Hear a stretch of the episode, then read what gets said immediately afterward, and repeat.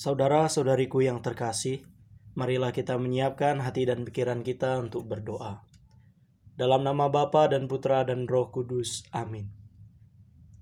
Curahkanlah roh kudusmu dalam diri kami ya Tuhan, agar kami dapat meresapkan sabdamu yang akan kami dengarkan pada hari ini.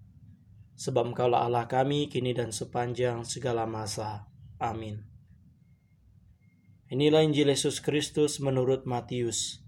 Dimuliakanlah Tuhan. Dalam khotbah di bukit, berkatalah Yesus, jika hidup keagamaanmu tidak lebih benar daripada hidup keagamaan para ahli Taurat dan orang-orang Farisi, kalian tidak akan masuk ke dalam kerajaan surga.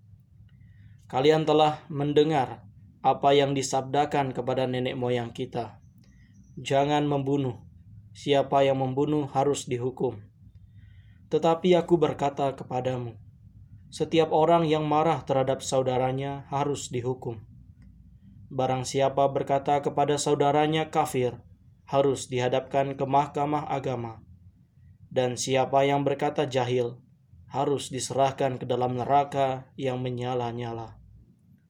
Sebab itu engkau mempersembahkan persembahanmu di atas mesbah, dan engkau teringat akan sesuatu yang ada dalam hati saudaramu terhadap engkau.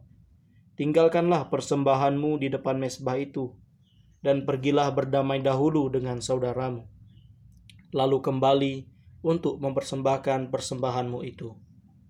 Segeralah berdamai dengan lawanmu selama engkau bersama-sama dengan dia di tengah jalan, supaya lawanmu jangan menyerahkan engkau kepada hakim, dan hakim itu menyerahkan engkau kepada pembantunya, dan engkau dilemparkan ke dalam penjara. Aku berkata kepadamu, sesungguhnya engkau tidak akan keluar dari sana sebelum engkau membayar utangmu sampai lunas. Demikianlah Injil Tuhan. Terpujilah Kristus. Saudara-saudariku yang terkasih, Tuhan Yesus berkata, "Kalau hidup keagamaanmu tidak lebih benar daripada hidup keagamaan para ahli Taurat dan orang-orang Farisi, kalian tidak akan masuk ke dalam kerajaan surga." Saudara-saudariku yang terkasih, para ahli Taurat dan orang-orang Farisi merupakan orang-orang yang memelihara hukum Taurat. Mereka berdoa lima kali sehari, berpuasa, mempersembahkan kurban bakaran, dan lain-lain. Nah, bagaimana dengan kita? Apakah hidup keagamaan kita lebih baik daripada ahli Taurat dan orang-orang Farisi? Saudara-saudariku yang terkasih, dalam menjalani hidup keagamaan, kita sering kali terjebak akan segala aturan dan juga perhatian. Doa, berpuasa, dan bersedekah sering kali kita lihat sebagai sebuah aturan dari Allah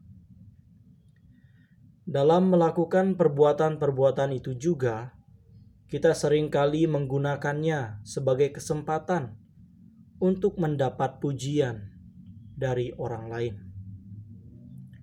Nah, kalau kita masih berpikiran dan berbuat demikian, kita sama saja dengan orang-orang Farisi dan ahli Taurat, atau bahkan lebih buruk lagi dari mereka saudara-saudariku yang terkasih di dalam Yesus Kristus.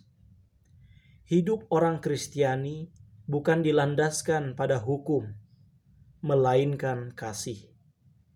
Kita melakukan perbuatan-perbuatan baik bukan karena diperintahkan dalam kitab suci atau biar mendapat pujian dari orang lain, melainkan karena kasih Allah yang tinggal dalam diri kita Sikap kita dalam mentaati kehendak Allah pertama-tama adalah kasih. Kita melakukan kehendaknya karena kita ingin dekat padanya, bukan sekedar takut akan hukumannya. Tuhan memberkati kita. Amin. Marilah berdoa. Ya Tuhan, ajarilah kami untuk semakin mengasihi Dikau dalam hidup kami sehari-hari Dampingilah kami agar kami terdapat setia dalam perjalanan hidup kami. Namamu kami puji kini dan selama-lamanya. Amin. Dalam nama Bapa dan Putra dan Roh Kudus. Amin.